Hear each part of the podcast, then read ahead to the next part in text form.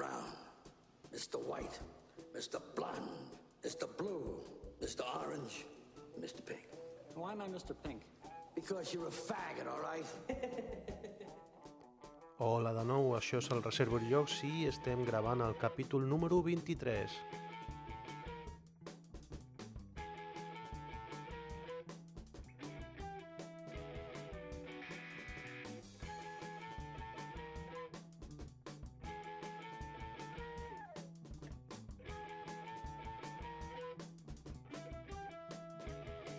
Segurament us preguntareu què faig gravant així tan, tan seguit, si teníem el, el 22 molt a prop, però és que tenia una mica d'urgència perquè vaig conèixer, bueno, em van contactar també a, a mi amb, pel Facebook del Reservoir Jocs, eh, els companys de Singular Games, que, bueno, que estaven també al Correjocs, però jo no el vaig veure, perdoneu-me, vale?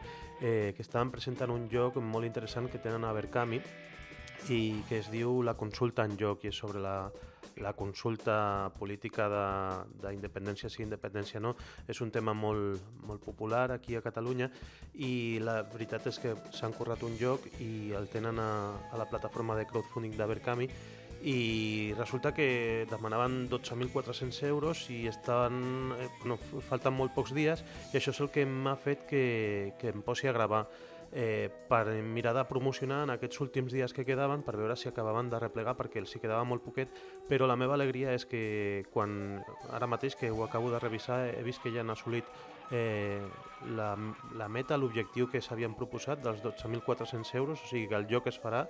Felicitats, això el primer. I després, eh, bueno, si encara voleu participar, queden 3, 2 dies, depèn de quan editi i quan surti això, i només heu de buscar a berkami.com eh, la consulta en lloc. Crec que no és, no és el nom definitiu del lloc, que, que s'ha de posar un nom, eh, però fins i tot ho deixen que es triï democràticament, o sigui, es poden votar, crec que entre un parell de noms i la gent, els, els eh, mecenes, pues, poden triar-ho, no? I res, us convido des d'aquí, des del Reservoir Jocs, en aquest capítol que, que serà express, perquè tampoc tinc, tenim massa contingut, eh, que entreu a Berkami, que recolzeu aquest projecte si, si us agrada el tema. I, com no, des d'aquí, al Reservoir Jocs eh, recolzem aquest tipus de temes, no? I res, també faré una mica d'opinió i sobretot us presentaré una novetat que és super interessant, que per fi tenim un col·laborador, és el Jordi Nadal, que ja us vaig eh, avançar una mica en el capítol anterior o potser en, en l'altre, que, que igual tindríem un col·laborador que ho fa des de des d'Hongria. I res, és, eh, és un noi català que està allà i bueno, ell mateix us explicarà la seva història que és molt curiosa. I la seva secció es diu Lost in Translation. I crec que el nom està bastant ben triat li vaig proposar que, que es podia dir així i crec que li va agradar i, i bueno, eh, suposo que el tindrem aquí regularment. És un, ell és més jugador que jo, jo crec. Eh, ja sabeu que jo m'inclino més pels jocs familiars, així, fillers, eh, algun party game de tant en tant, també jugo els euros una mica més... Eh, eh, que no són tan light, mm, que són medium, per exemple, no sóc un core gamer, eh, però crec que el Jordi sí que, sí que, bueno, sí que explota més eh, els jocs. Jo jugo a molts jocs, però no, no aprofundeixo, i ell juga a pocs, però aprofundeix bastant, i bueno, cada dia està jugant més perquè s'està buscant molt bé la vida, com veureu, i està trobant sessions de jocs eh, de joc molt interessants eh, allà a Hongria i aprenent anglès eh, fins i tot. Ell us explicarà, és que la història és superinteressant, ja veureu. Tindrem això, eh, també vull opinar una cosa perquè bueno, és eh, sobre el tema de la crítica, eh, l'opinió, la subjectivitat contra l'objectivitat, és un tema que està ara molt, molt candent i la veritat és que em vull aventurar a, a opinar sobre això perquè l'opinió és això. Eh, a mi personalment m'agrada saber el que opina la gent i, i bé, ja us explicaré ara quan acabi la intro perquè vull opinar de la objectivitat contra la subjectivitat.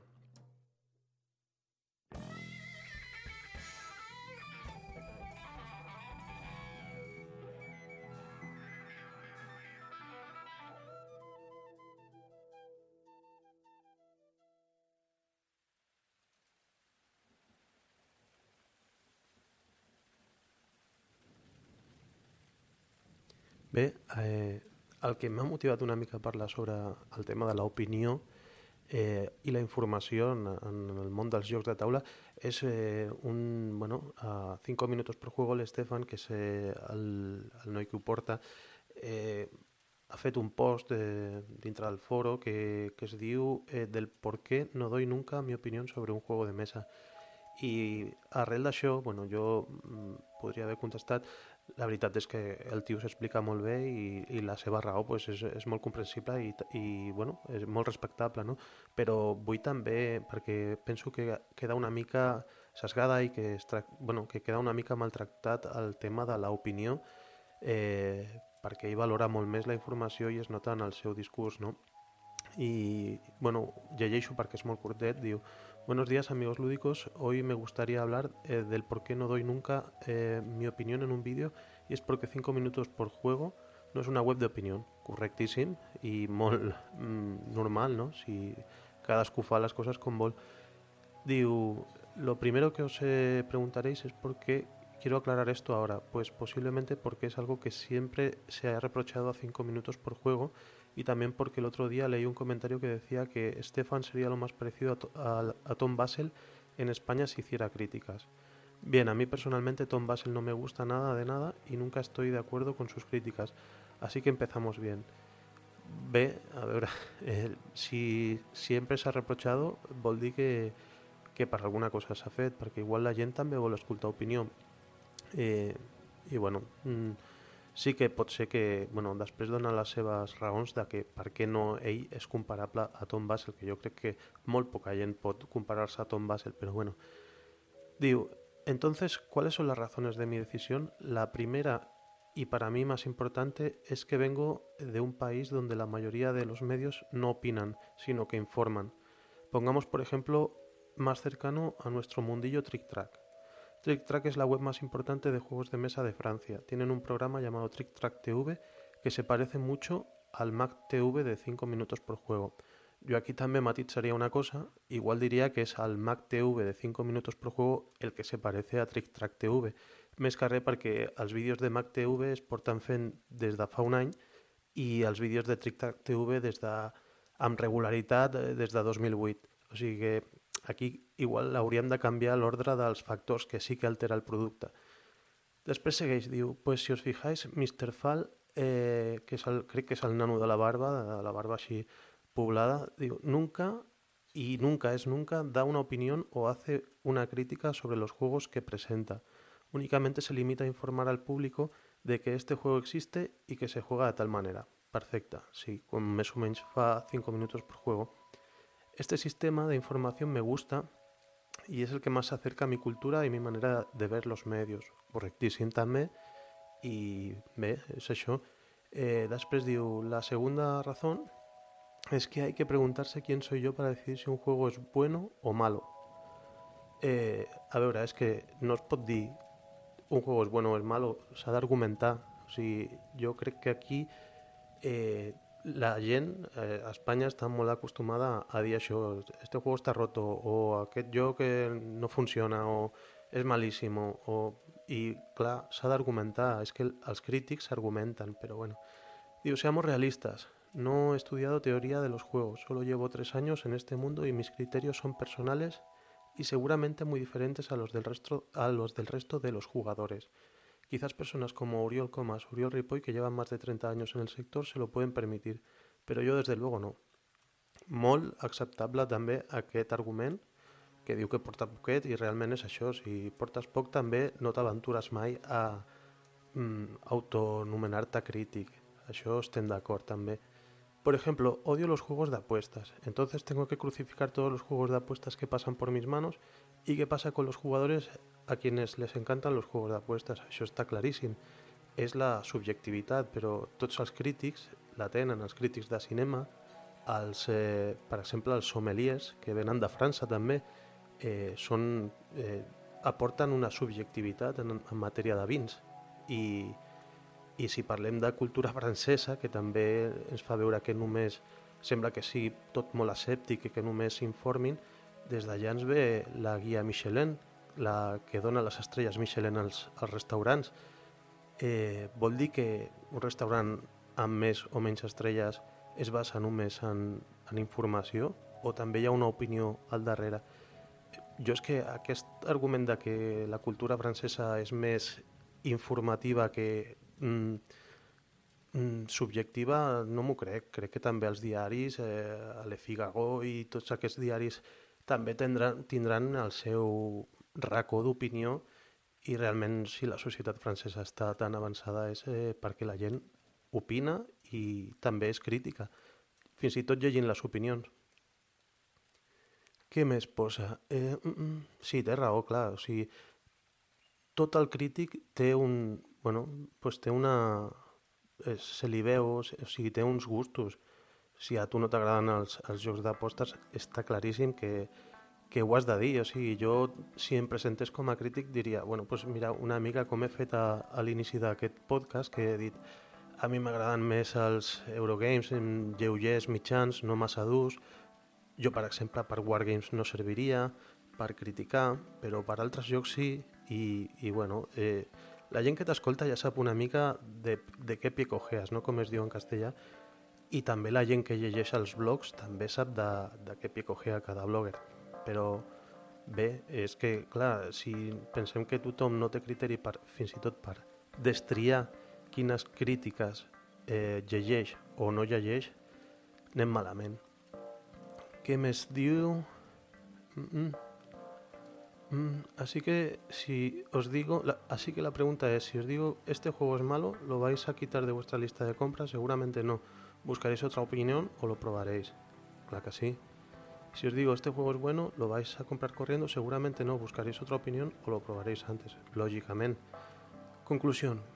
Mi opinión no habrá servido de nada, así que antes de quedar mal delante de los jugadores, autores, editores y demás actores del sector, mejor guardar, mi opinión para mí y contentarme con informaros sobre el juego. Sí, eh, és, la teva, és la teva tria, eh, però clar, jo no sé si, si és voluntària o es fa per, per una motivació que és eh, que no, bueno, que no et vegin malament eh, jugadors, autors, editors i de més eh, i de més actors del sector lúdic, que és com ho diu ell.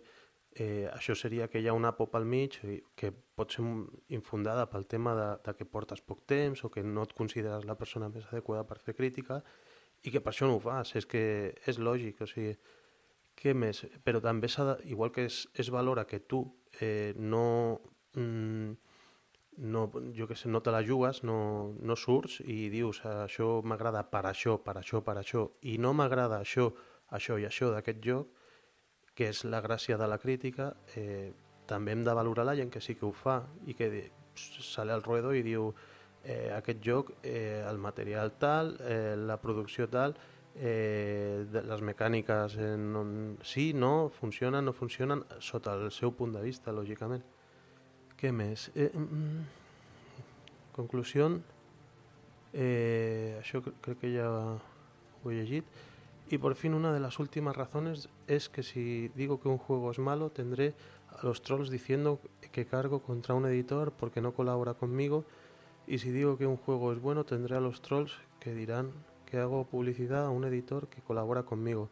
Así que mejor no decir nada. Mira, als trolls t'han d'importar una merda, crec jo eh, t'ha d'importar la gent que, que et segueix i el que vol la gent que et segueix. Si la gent t'està reprotxant des de fa temps que no hi ha opinió, igual es podria incloure una secció d'opinió i fer una mica diferent el programa del que fan a MacTV.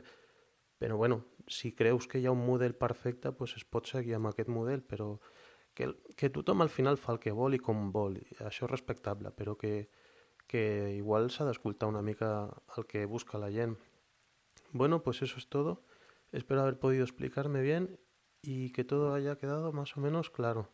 Sé que muchos no estaréis de acuerdo conmigo y lo respeto completamente, como también creo que respetaréis mis razones. Claro que sí, totalmente eh, de acuerdo. Nos vemos pronto en la web y, y bueno, pues ya está. Yo igual podria haver contestat via web, però m'he estimat més fer-ho des de, des de la meva plataforma, igual que ell utilitza la seva plataforma per expressar aquesta, aquest article o del por qué no doy nunca mi opinión sobre un juego de mesa. Vosaltres eh, sabreu el que busqueu. Eh, si busqueu instruccions d'un joc, eh, teniu eh, els vídeos de la Ketty, per exemple, eh, amb, amb blogs hi ha molta cosa també per explorar. Eh, hi ha gent que fa opinió i la fa molt bé, la veritat és que l'opinió s'ha de valorar i el que dic, que en, en aquest país hi ha crítics de cinema, hi ha crítics de literatura. Eh, jo crec que funciona la crítica i la gent també vol crítica. Eh, el que passa és que el que sí que que estic d'acord amb l'Iñaki, que és el que està donant una mica més de canya amb el tema de les crítiques, és que no sap com fer-la. Jo crec que falta mètode.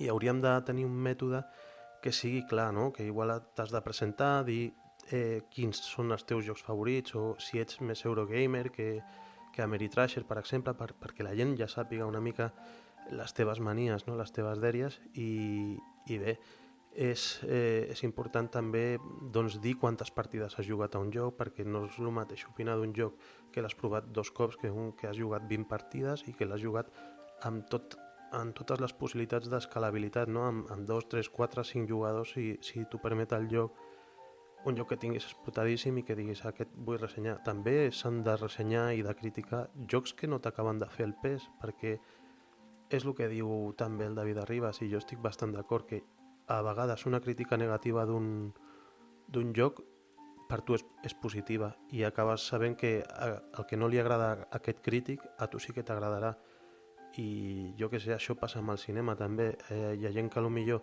li agrada el taquillazo i veu una crítica d'una pel·lícula d'autor i diu, hòstia, jo no aniré a veure aquesta pel·li o tot el contrari, no? Eh, jo crec que la gent té més criteri del que ens pensem i que sap destriar bé el que llegeix. Eh, I hem de recordar que informació també hi ha a la BGG, o sigui, quina millor informació que poder-te descarregar el llibre d'instruccions. Eh, bueno, eh, el llegeixes i ja saps més o menys si el joc et farà el pes o no. Seguint una mica... Mm, la crítica és que ara, des de, jo crec que des de que va venir el, el Tom Werneck a Barcelona, a Dau, ens va deixar tots amb, amb la mosca darrere l'orella sobre, sobre quin paper està jugant la crítica. Això seria una pregunta, però igual la pregunta que ens hem de fer és si existeix la crítica, no? Aquesta massa crítica que deia el Lev Mishkin, l'Iñaki. Eh, res, o sigui, mm, hem de pensar i hem de pensar com fer-ho, perquè jo crec que sí que és important. I sobretot pensar en el mètode.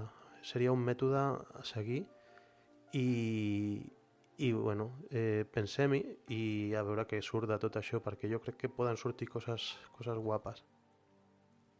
Per acabar la meva argumentació també dir que, que també es valora mmm, bueno, la, a part de les notícies es valoren altres coses, no? I, i no, només se m'acudeix una mica pues, això, contrarrestar eh, el, el tema amb un programa d'èxit, que això ja no és cultura francesa, és cultura espanyola, un programa que està triomfant, que porta moltes temporades i que el presentador comença d'una manera que ens ha de fer pensar. O sigui, bueno, eh, comença així. Us ho deixo i, i valoreu si, si a part de notícies també volem altres coses. Ya conocen las noticias. Ahora les contaremos la verdad.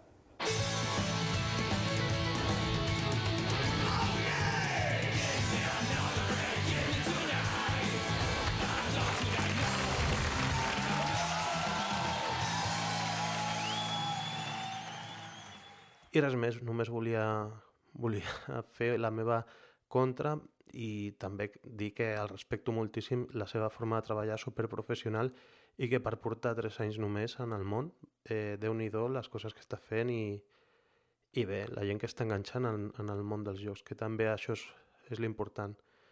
I res més, seguim. Ara, ara igual eh, us deixo ja amb la secció del, del Jordi Nadal, el Lost in Translation, i esteu atents perquè la veritat és que jo crec que val la pena.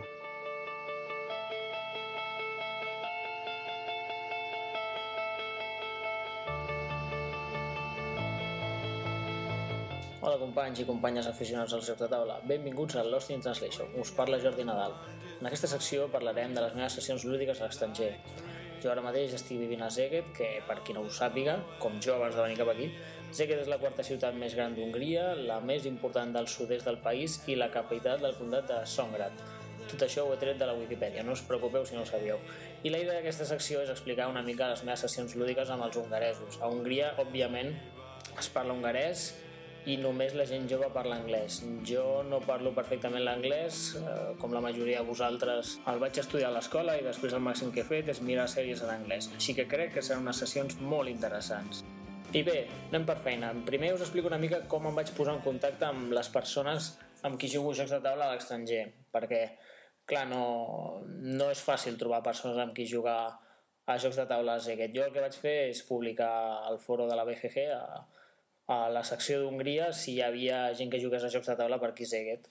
Em vaig posar en contacte amb dues persones, en Jouli i en Bolaix, ens vam donar els correus i el que vam fer és, quan vaig venir cap aquí, vam començar a quedar. El grup de joc d'embolage eh, són unes 5 o 6 persones que dos cops per setmana es reuneixen en un bar del centre per jugar a Netrunner. Netrunner, per qui no ho sàpiga, eh, us dic una mica la fitxa tècnica. Està dissenyat per Richard Garfield, Lucas Litzinger i Damon Stone. És per a dos jugadors, eh, dura 45 minuts i està recomanat per a majors de 12 anys. Uh, Netrunner és un living card game, a diferència de Magic i Juego de Tronos, hi ha com dos bandos, és a dir, és, és asimètric. Un porta una espècie de hacker i l'altre porta que vindria a ser com una corporació, com una empresa. I bàsicament el que ha de fer el hacker és intentar com robar unes cartes a la corporació i la corporació ha d'intentar puntuar aquestes cartes. És un joc amb molt de bluffing i com a avantatges que li trobo a, a Magic i a Juego de Tronos i altres Living Card Games és que és un, és un living card game que la baralla és important però no és definitiva. O sigui, com a tota baralla l'has de fer bé, has de ficar la quantitat de cartes adequada, però al cap i a la fi a la beta de bluffing el... és molt important la manera en què es juga la baralla. Les desavantatges que li trobo jo aquest Living Card Game, pues, com a tot Living Card Game, és que t'has de comprar totes les expansions. Eh, només de dos jugadors i has d'estar molt al dia, perquè constantment estan sortint baralles, eh, estan sortint noves expansions, hi ha tornejos, ara ha sortit una baralla que ha guanyat a l'altra, i la veritat és que no tinc moltes ganes d'endinsar-me en aquest món, però és més molt útil aquest grup de joc perquè dos cops per setmana puc quedar amb ells i estem doncs, unes dues, tres hores jugant i el que vaig allà per practicar l'anglès. Aquests nois parlen molt bé l'anglès, són estudiants, bueno, doncs tot just acaben d'acabar les carreres i parlen molt bé l'anglès, han fet Erasmus i em va, em va genial per practicar l'anglès i bueno, començar a aprendre algunes paraules d'hongarès perquè no en sé cap ara mateix. L'altre grup de joc és molt diferent. En, en Jouli és un pare de família que un cop al mes es reuneixen a la parròquia d'una església, si jo no, no ho sabia, es reuneix a, a la parròquia d'una església per jugar a jocs de taula més típics, més tradicionals. I bé, ara anem a explicar una mica la meva primera sessió de joc que vaig tenir en Juli. El primer que vam jugar va ser el Love Letter. El Love Letter és, de, és un joc del 2012 dissenyat per Sergi Canall, crec que ho he pronunciat bé, de 2 a 4 jugadors, recomanat per a majors de 10 anys i una duració d'uns 20 minuts. Uh, primer de tot comentar que era la meva primera partida, llavors no, no us puc fer un superanàlisis, però per comentar una mica la partida, primer comentar els jugadors. No sabíem parlar gaire bé l'anglès. Només n'hi havia un que es desenvolupava força bé. Érem quatre persones, comptant a mi, però, però va estar bé. Va estar bé perquè vaig poder practicar els números hongaresos. Bé, us explico una mica com es juga al Love Letter, molt, molt, molt, molt ràpidament. El Love Letter és un joc de cartes, són unes 22 cartes, és un joc molt minimalista. Eh, es reparteix una carta a cada jugador i cada jugador al seu torn roba una carta i juga una carta. Les cartes tenen unes habilitats i estan numerades de l'1 al 8. Al final de la partida, quan s'han robat totes les cartes i s'han jugat les cartes, a tothom li queda una carta, l'ensenya i qui té el número més alt guanya. És super senzill, no té res de l'altre món. En aquest joc eh, hi ha una mica de faroleig, has de pensar una mica, interpretar, veure quina carta té l'altra, depenent quines cartes ha jugat, no, no té molta profunditat. L'única mitja estratègia que li vaig trobar és una mica que t'has de fixar amb les cartes que, que juga cada jugador. És a dir, no tant la que juga, sinó la que no juga. És a dir, tu veus que roba una carta. Si juga aquella mateixa carta que ha robat i ho fa dos cops seguits, és que la carta que es guarda a la mà és de les bones, un 7 o un 8. Els 7 o els 8, evidentment, no els vols jugar, te'ls vols guardar pel final per descartar-los, ai, per guanyar la partida, evidentment. Si te'ls descarten, normalment perds. Llavors, una recomanació, l'única recomanació que se m'acut així per tenir una mica d'avantatge en aquest joc i l'única profunditat que li vaig veure és fixar-se cada jugador quines cartes està jugant, si les està reciclant o la que roba se la queda o la que roba la juga. És l'única història que li vaig trobar. Però bueno, és un joc de 20 cartes, es juga en 20 minuts, jo crec que no se li pot demanar més a un joc tan baratet, tan, amb tan poques cartes. És, és fantàstic. Per, per nosaltres va ser fantàstic perquè vam estar rient molt, bàsicament per no parlar bé l'anglès, vaig aprendre alguns números hongaresos i va ser molt entretingut. Així per trencar el gel, no? abans de ficar-nos amb alguna cosa més dura, jo crec que, que va estar molt bé. I bé, la següent partida que vam fer va ser a la Villa. La, la Villa, anem a llegir la fitxa tècnica, la Villa és un joc de 2011, és dissenyat per Inca Brand i Marcus Brand, que no sé si són germans o pare i fill o què, de 2 a 4 jugadors majors de 12 anys i una duració de 75 minuts. En el nostre cas va ser una partida d'unes 4 hores. Sí, sí, sí, va ser, va ser bastant dur. Eh, també comentar, era la meva primera partida, vam tenir una sessió de jocs molt productiva, en el meu cas, m'encanta jugar a jocs nous, tot i que també m'agrada molt guanyar, així que no, no, no ajudava gaire a guanyar les partides. I al ser la primera partida, també el que va fer és que em van haver d'explicar el joc. No, no m'havia mirat res de la, la villa, pràcticament. Havia escoltat algun podcast, alguna història, però no sabia jugar i em van haver d'explicar com a jugar a la Villa en anglès. El pobre noi que em va explicar com a jugava va estar com uns 45 minuts el pobre parlant en anglès que no en sabia gaire i ho va passar realment malament. Després d'acabar se'n va haver d'anar al bany a rentar-se la cara perquè estava una mica copiat, pobre. I perquè us feu una idea, la meva comprensió de l'anglès, la primera acció que vaig voler fer a la Villa va ser anar al mercat. Tothom que hagi jugat a la Villa sabrà que és absurd anar al mercat al primer torn perquè no tens res per vendre al mercat. Això és perquè us fa una idea de la meva comprensió de la partida. Però bé, al cap d'una ronda et poses a jugar, fas coses una mica sense sentit, però ja ho, ho enganxes de seguida. Bé, anem a fer una petita explicació, molt petita, us ho prometo, explicació de com es juga a la villa. A la villa ha, crec que són 6 o 7 tipus d'accions per fer. Una és anar al mercat, després pots eh, crear blat o com recollir blat, eh, pots viatjar, Pots anar a l'Ajuntament, pots anar a l'Església o pots anar com als oficis, em sembla que es diuen. I la mecànica és molt senzilla. a cada torn de cada jugador hi ha com uns recursos a cada accions d'aquestes, agafes un recurs i fas l'acció d'on t'has posat. Si és a viatjar, doncs viatges, pagues el que sigui, si és a, a l'Ajuntament, doncs pagues el que sigui i agafes el recurs. I quan s'acaben tots els recursos, pum, s'acaba la ronda. I així tota l'estona. Mm, coses peculiars de la villa. Els meeples estan numerats. Tenen números de, de l'1 al 4, si no m'equivoco, que són les generacions. La primera generació, segona generació, tercera generació, quarta generació. Llavors, hi ha recursos de color negre que gasten temps i també a vegades a l'hora de produir coses pots escollir si gastar recursos o gastar temps. El temps va passant, que tens com un rellotge, i es van morint els personatges. Primer, primer els de la primera generació, segona, tercera, etc. I té la gràcia que si es moren i són dels primers de morir en el seu ofici, van al llibre de la història. Crec que he explicat més o menys com es juga a la vida, més o menys. Bé, només comentava una mica la meva estratègia, pobra estratègia que vaig jugar seguint aquesta partida. Jo em vaig anar a centrar una mica a l'Ajuntament, em va semblar interessant, i també el que vaig intentar fer és uh, al, al mercat, que havia sentit que era estratègia guanyadora, no sé què, ho típic que es va dient, doncs almenys intentar comprar les fitxes més, més suculentes, les que donen més punts.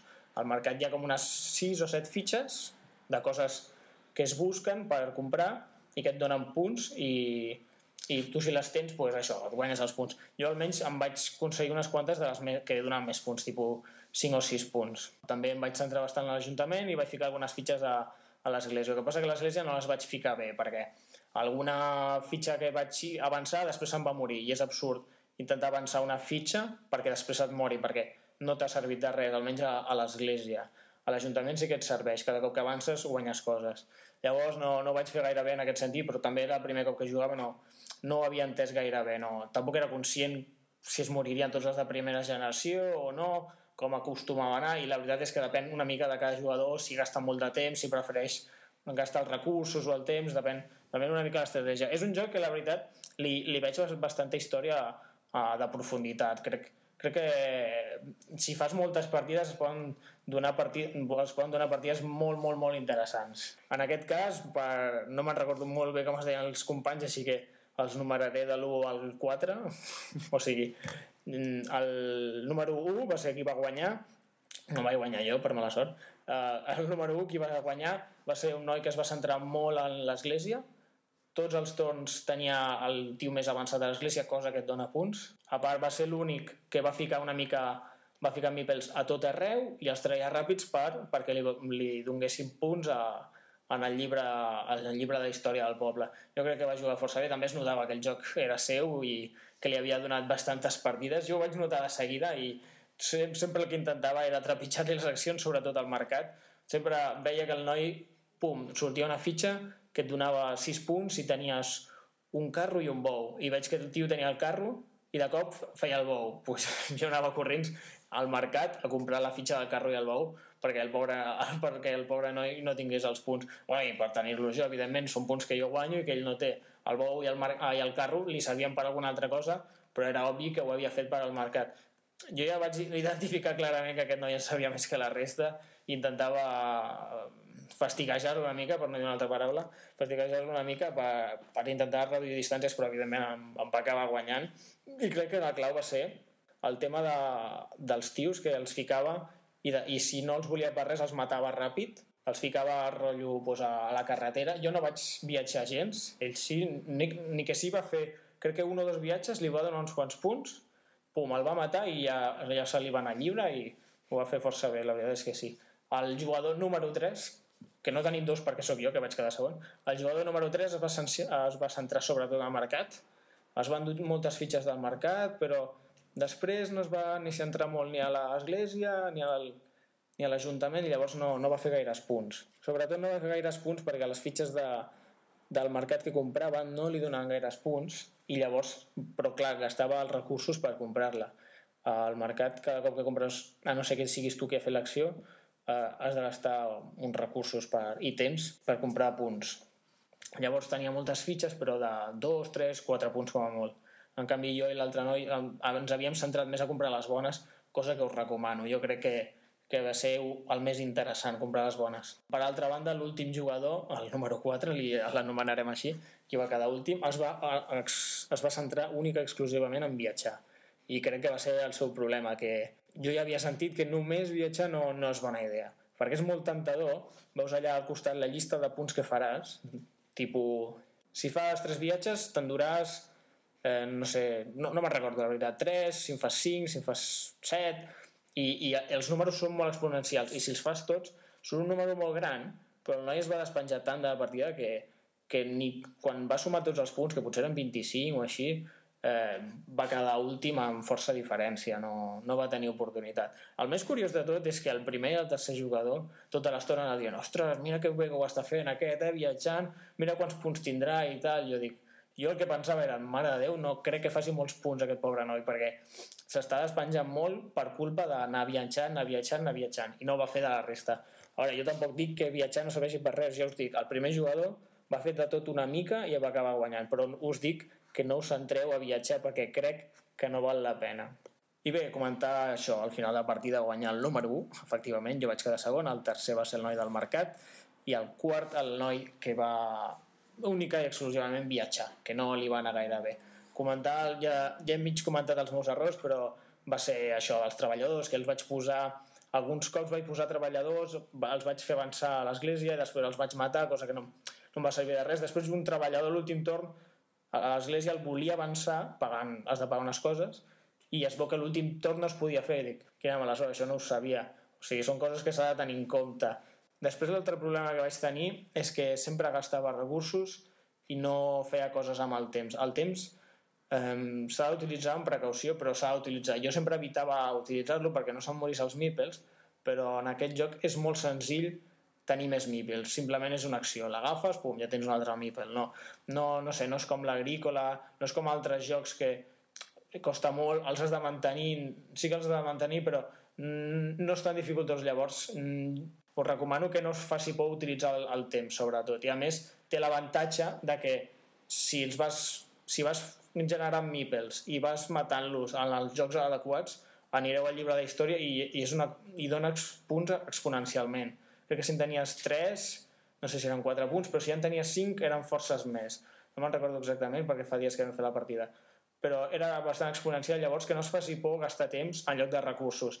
I els recursos, una cosa molt útil que ningú va fer i se'n va acudir al final, és que quan s'han acabat eh, les, els, els, els recursos en una acció que tu vols fer ja no la pots fer a no ser que paguis tres recursos d'un mateix tipus i llavors pots fer aquella acció. Això és molt recomanable perquè és el típic que ningú hi pensa i no hi van pensar els meus companys. Jo vaig fer un parell de cops i crec que aquí vaig remuntar molt, sobretot fent accions a, a l'Ajuntament, que era en el que jo m'havia centrat. I res, crec que ja us he donat prou la llauna amb la, amb la Villa i per acabar per acabar m'agradaria m'agradaria fer una recomanació a, a tots els que esteu escoltant Reservos Jocs i és que us animeu a visitar el foro de BGG i sempre hi ha companys que en, en el foro no sé, d'Espanya de, pues, fico, eh, companys d'altres països que venen volen passar uns dies aquí o fins i tot un mes o el que sigui i busquen gent per jugar. Us anime, jo us animo a, el que us acolliu perquè els estareu fent un gran favor a ells i a més a més us estareu fent un gran favor a vosaltres mateixos perquè no s'acostuma a practicar l'anglès però la veritat és que va bé. I a més podeu començar a escoltar podcasts en anglès videotutorials en anglès que n'hi ha molts més que en castellà i alguns que són de molta més qualitat que els nostres. Tots sabem que en aquesta vida el podcast en anglès i sobretot els videotutorials en anglès jo n'he vist de molt bons molt de molt recomanables i un dia ja, ja farem alguna recomanació si voleu. I practicar l'anglès la veritat és que va bé i a més aquest noi li estareu fent un gran favor com m'estan fent a mi aquests Embolage i Anzoli perquè jo si no estaria aquí mort de fàstic sense jugar a jocs de taula que és el que més m'agrada en aquest món i en canvi doncs, dos cops per setmana me'n vaig a jugar a Netrunner i un cop al mes espero poder jugar amb Anzoli a diferents jocs de taula. Puc practicar l'anglès, vaig jugant a joc, nous jocs de taula i la veritat és que a mi m'encanta, així que us animo tots a que us passeu pel foro i a acollir aquests desemparats jugadors que no tenen companys amb qui jugar. I que no es faci vergonya perquè, no sé, a mi al principi feia una mica de cosa, no sé què, a veure què em trobaré i la veritat és que hi ha molt bon rotllo en, en el món dels jocs de taula i no, no us ha de fer cap por. I bé, crec que ja, ja n'hi ha prou per avui, em despedeixo, que vagi tot bé companys. Apa, adeu.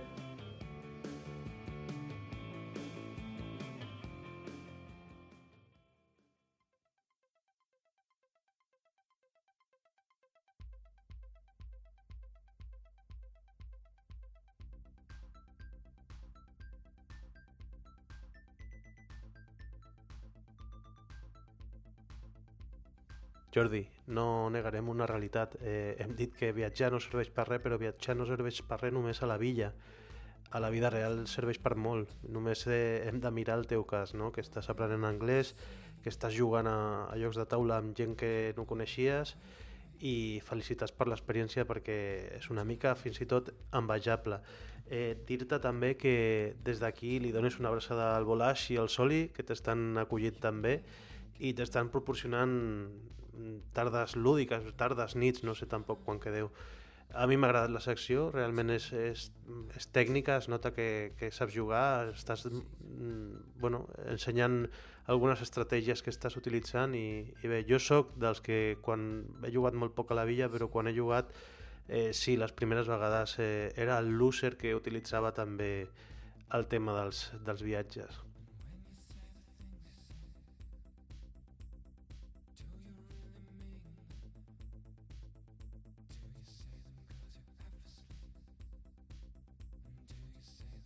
I fins aquí el capítol 23 d'aquest Reservoir Jocs. Eh, per fi tenim un col·laborador i sembla que de garanties i res, eh, igual heu notat una mica la qualitat que no és massa bona la del Jordi però l'estem assessorant, estem fent un curs de podcasting i en breu es posarà les piles i serà tot un podcaster eh, lúdic eh, com Déu mana. I res més, eh, bueno, sí, eh, donar les gràcies als patrocinadors que mai ens en recordem i, i estan allà, que són la botiga de jocs Sigurat Jocs de Castelldefels, que, que ens ajuda una mica que fem aquest podcast. També els companys, el Jordi i l'Alfred, el de Sigurat Jocs és el Carles, si aneu allà pregunteu per ell, és un tio molt maco també. El que deia, l'Alfred i el Jordi de jugar per jugar, uns altres tios que són de puta mare. I també Ediciones Masqueoca, que és una editorial nova que ha sorgit d'una botiga online que s'han de... ara han fet el pas de també editar jocs i estan portant jocs interessants. Han portat el Clash of Cultures, que és un joc d'aquests grans i d'aquests bèsties, eh, i portaran més cosetes, l'Ultimate Werewolf, eh, que és l'Hombre es Lobo Castronegro edició definitiva, que té personatges eh, a mansalva i bueno, es veu que és l'hòstia i alguna cosa més, algun wargame d'aquests que va sortir per Kickstarter del 1775, que és, són, és sobre les guerres, les guerres dels Estats Units. Eh, la veritat és que ja, ja veieu que pel to que, que parlo que no, no és el meu els wargames, o sigui que igual sí que algú ha de fer una secció de wargames aquí al Reservoir Jocs, estem oberts i res, eh, fins aquí al 23 eh, volíem que sigués una mica express però ha estat una mica xapada eh, tant per part meva com del Jordi que, que ja m'agrada perquè ell igual té més contingut, jo només era una mica d'opinió. I res, eh, doncs eh, ens veiem a la propera. Seguim en contacte, adeu